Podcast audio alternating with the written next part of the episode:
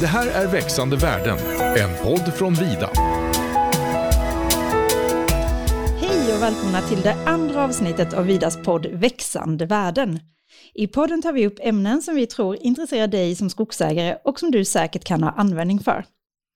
Jag heter Joanna och jag jobbar på Vida och jag kommer vara delaktig i varje avsnitt. Men det känns ju lite ensamt att sitta här så idag har jag bjudit med min kollega Karl Lagerbjälke. Karl jobbar till vardags som inköpschef på Vida Skog och han har också tidigare varit vd på vårt sågverk i Visslanda. Karl är själv utbildad jägmästare, bor på en gård och äger skog. Men han är också jägare och det passar ju väldigt bra in på dagens tema då vi ska prata om vilt, viltvård med mera. Det är väldigt kul att du är här Karl. Tack så mycket. Vad tycker du om, om din introduktion? Tycker du jag missade något? Nej, det var kort och koncist. Fick väl med inga större utsvävningar. Nej, precis. Nej. Men du, vad har du för relation till skogen? Eh, ja, alltså skogen har ju alltid funnits nära mig. Jag är ju uppvuxen på landet och mina föräldrar har lite skog och den har alltid funnits där. Både för jakt och rekreation, eh, skogsvård och bärplockning och allt vad det är. Den har mm. alltid funnits där, helt mm. enkelt. Är den viktig för hela familjen? För jag vet ju att du har familj. Ja, men det är den. Men det är nog mest jag som är den, den, stora intressenten och gillar att vara ute i skogen. Mm. Eh, familjen hänger gärna med. Men eh, jag dras ju gärna dit om jag får chansen. Mm, det låter härligt. Mm. Hur länge har du varit jägare då?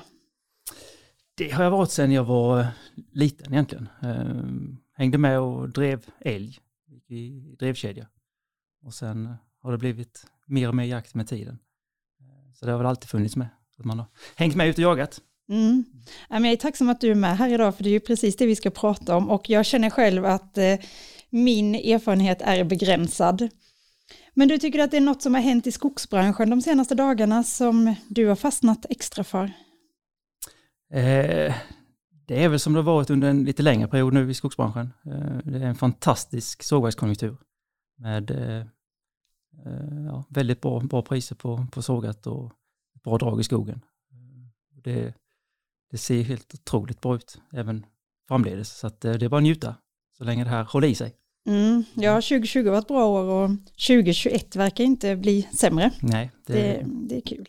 Eh, du Karl, idag på tråden så har vi ju med oss Jonas Malmsten. Han jobbar ju som forskare på SLU. Han är i grunden veterinär och har ägnat de senaste åren att eh, forska kring vilt. Och vi vet ju att intresset för viltfrågor är väldigt stort så det är extra kul att ha med dig här idag. Och jag skulle vilja börja med att fråga dig om det går att kombinera vilt i skogen med ett aktivt skogsbruk? Ja, det gör det ju definitivt tycker jag, på, på olika sätt. Eh, och mina, viltet är ju i mångt och mycket beroende av ett aktivt skogsbruk. Så absolut. Men det råder ju en del motsättningar ändå mellan liksom, de som vill bedriva skogsbruk och de som vill eh, bara ägna sig åt jakt. Hur tycker du att vi kan minska dem? Ja, jag tror det handlar om att tänka stort och tänka långsiktigt. Men man, Rom byggdes inte på en dag. Eh, och, och, jag tror att det är mycket som... Eh, många av konflikterna som uppstår beror på att man inte pratar så mycket med varandra. Man söker inte så mycket kunskap utan det är väldigt mycket tyckande. Och sen att det ofta är då vilket jag kan förstå, den enskilda lilla skogsägaren ibland, eller de små skogsägarna som, som har en, ett annat förhållningssätt till sin skog jämfört med det som andra har. Och referensramarna skiljer sig väldigt mycket. Men att prata mer, tänka stort och långsiktigt, så har vi, har vi ett högt betestryck på skogen så är det ju, gäller det ju stora, stora områden som måste tänka i samma bana. Och då måste man prata. Du, du nämnde där Jonas att eh, eh, det här aktiva skogsbruket är också en förutsättning för, för viltet på något sätt. Eh, hur menar du då? Ja, jag tänker ju att det är klart att vi har vilda, vilda djur och, och, och viltstammar där det inte bedrivs något skogsbruk alls, men de är ju inte alls i samma numerär och av samma kvalitet som vi har i de områden där vi har ett aktivt skogsbruk. Mm. Eh, menar, om vi tittar på älgen till exempel så är den ju den är ju beroende av ett, ett, ett fint risskikt längs marken och, och ungskog. Och det får du ju, det kan du i sig få när du har eh, icke brukad skog om du har stormar och bränder. Mm. Men det har vi ju ersatt med, med hyggesbruk skogsbruket. Just det. Jag tänker lite på de motsättningarna som råder. Tänker du att man liksom har målat in sig själv i vasset hörn och så att man borde egentligen kommunicera bättre med varandra? Men vad är det, vilka största fördomar har man mot varandra? Ja, eh, alltså den enskilde skogsägaren eller de, de eller de, de eh, pratar om att det går inte att sätta tall för att det är för mycket vilt. Och, och på andra sidan så säger man, sätter ni tall så glösar ni ut betestrycket. Om vi bara tar tallfrågan till exempel i, i de södra delarna av landet. Och då, då står man där på varsin ände och klagar på varandra. Eh, men, men jag ska inte säga att, att det är så här överallt. Det finns flera ställen där man gemensamt och aktivt tillsammans försöker hitta en, en bra strategi framåt. Och jag vet till och med de finns exempel på stora områden där, där man aktivt väljer att hjälpa skogsägarna genom att hålla, eller vad man ska säga, ta ner klövviltstammarna något under en, en, en, period och den är inte över en säsong utan några år. För att ge skogsägare chansen att, att ändra om till det skogsbruket de kanske egentligen skulle vilja bedriva. Men de, de känner sig hindrade på grund av ett för högt totalt betestryck. Eh, och sen finns det ju så mycket eh, och, och just det här med referensramarna, att en, en skogsägare som kanske har ett, ett måttligt betestryck upplever att det är helt okej. Okay. Eh, att han, han tycker det eller hon tycker att det är fint och det, liksom, det, det funkar. Medan en annan, en annan skogsägare några marker bort tycker att ett, ett milt eller lindrigt betestryck är alldeles för mycket. Och då har man ju liksom, det, det är lika många åsikter bland jägare så kan det finnas lika mycket åsikter bland, bland skogsägare. Och då är, då är det ju svårt att hitta en, en, en rak linje däremellan för att kunna jämka. Sen tror jag det är viktigt också att komma ihåg att, att det, det, är klart att hade vi inte haft en enda, ett enda hjortdjur eller klövvilt i skogen, då är det klart att då hade vi inte haft några betesskador. Möjligtvis med undantag av kanske sork och, sork och hare, kanske någon skogsfågel ibland. Men eh, sen, sen när det väl finns klövvilt i skogarna så är det ju inte ett, ett, en, en rät linje däremellan vad gäller Eh, mängd, alltså betestrycket och eh, hur, eh, på produktionsskog om vi pratar det, och, och eh, antalet klövvilt utan det är beroende på flera faktorer. Men det, det är lätt att sätta ett, ett, ett, enkelt samband däremellan men det är inte så enkelt. Hur är det med, med klövviltet om man tittar på vanliga rådjur, kronhjort, dovhjort? Eh, ja. Älg, äter de samma typ av foder eller, eller har de egentligen olika favoritfödor? de är ju lite olika nischade men, men man kan väl, om man ska göra en generalisering så kan man väl sätta dovhjort och kronhjort på en sida och älg och rådjur på andra sidan. Eh, att rådjuren och älgarna är ju mycket mer petiga och selektiva i sitt födoval eh, och gillar ju knopp och bär och ris och sly. Medan eh, hjort, hjortarna då är ju mycket mer anpassningsbara för de har en möjlighet att, att äta det som finns det kan vara gräs och det kan vara, det kan vara busk och det kan vara bark och det kan vara sly och det kan vara skott. Så de, är, de äter ju det som finns medan älg och rådjur kanske kan antingen stortrivas eller vantrivas beroende på vad som växer. Men du, hur mycket behöver de här olika djuren äta per dag? Ja, då pratar man ju sommar eller vintertid. De flesta djuren i, i nordiska, eller idisslarna i den nordiska faunan har ju en en sommarfas där de är anabola, det vill säga de bygger upp sig och så har de då en vinterfas där de är katabola. De bryter ju faktiskt ner en hel del muskulatur på vintern. Eh, men eh, omega joule kan man räkna alltså då i energi på, på många olika sätt. Men, men älgen äter ju mest och kräver ju mest. Men framförallt under sommaren. Under, under vintern så är det ju skralt. Då äter den ju skral mat även om det då innefattar kanske tall och andra skott och, och, och kvist. Och. Men eh, 20 kilo eh, sommartid och 10 kilo vintertid per älg och dygn i genomsnitt. Och sen kan man, får man väl ta en, en av, avsmalnande skala där. Men då blir det ju skillnad mellan arterna i och med att de är nischade på olika sätt. Mm. Där då en, en, en dovhjort och en kronhjort kan ju le, överleva i ett gräslandskap. Men det klarar knappt en älg att göra. Men det är rätt, det blir enorma volymer. Och, och man ska också komma ihåg om man drar, drar parallellen till till en jakt som bedrivs så är det ju så att två, två, två kalvar äter ju mer än en vuxen. Det kan man komma ihåg. Som eh, skogsägare och jägare kan man fundera på det här med, med stödutfodring. Eh, är det, är det ett bra alternativ att stödutfodra?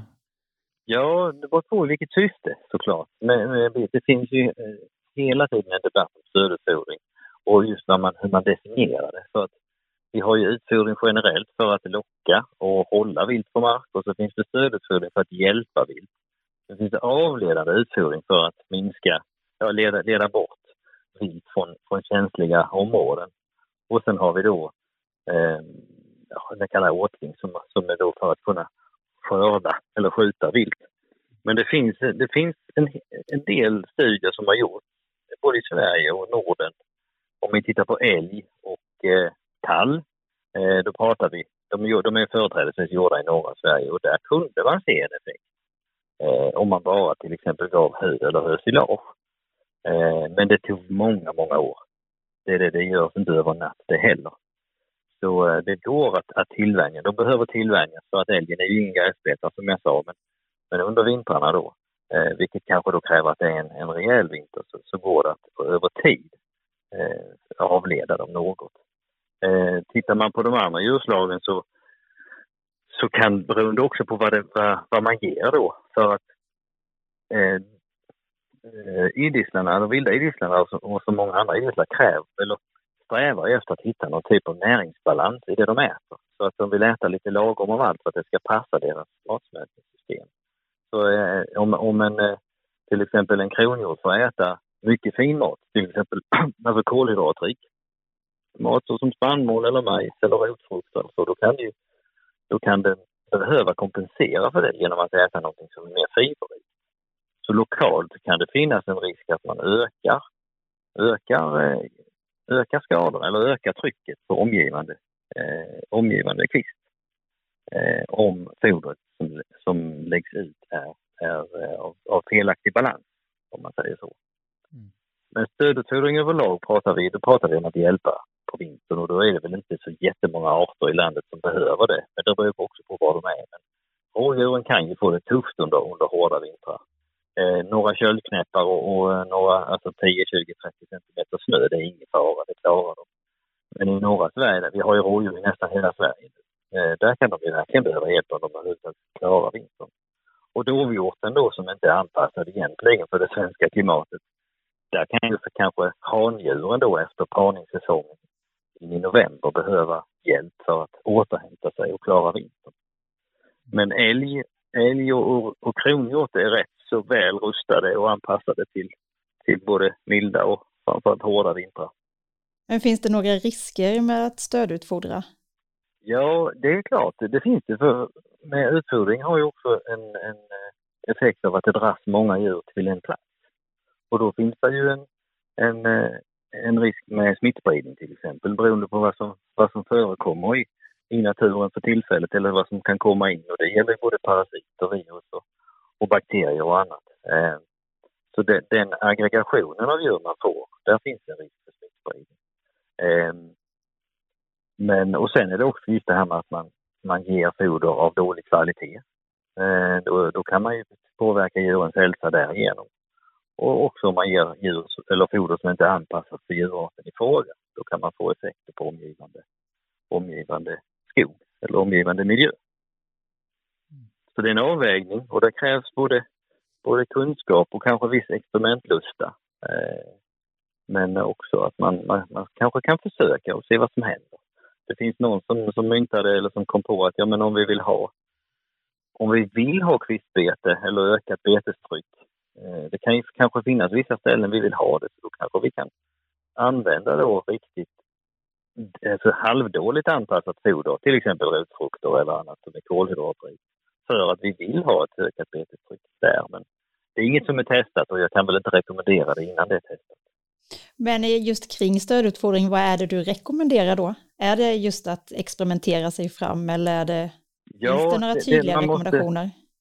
Nej, det gör det inte egentligen. Eh, och då, men pratar vi då om vi ska prata stödutfodring eller avledande utfodring så, så är det väl att man ska se till att eh, har man alla fyra hjortvilt arterna på sin mark, då blir det svårt eftersom då rådjuren och älgen inte gärna äter eh, till exempel hö eller hösilage, sånt som är gjort på gräs.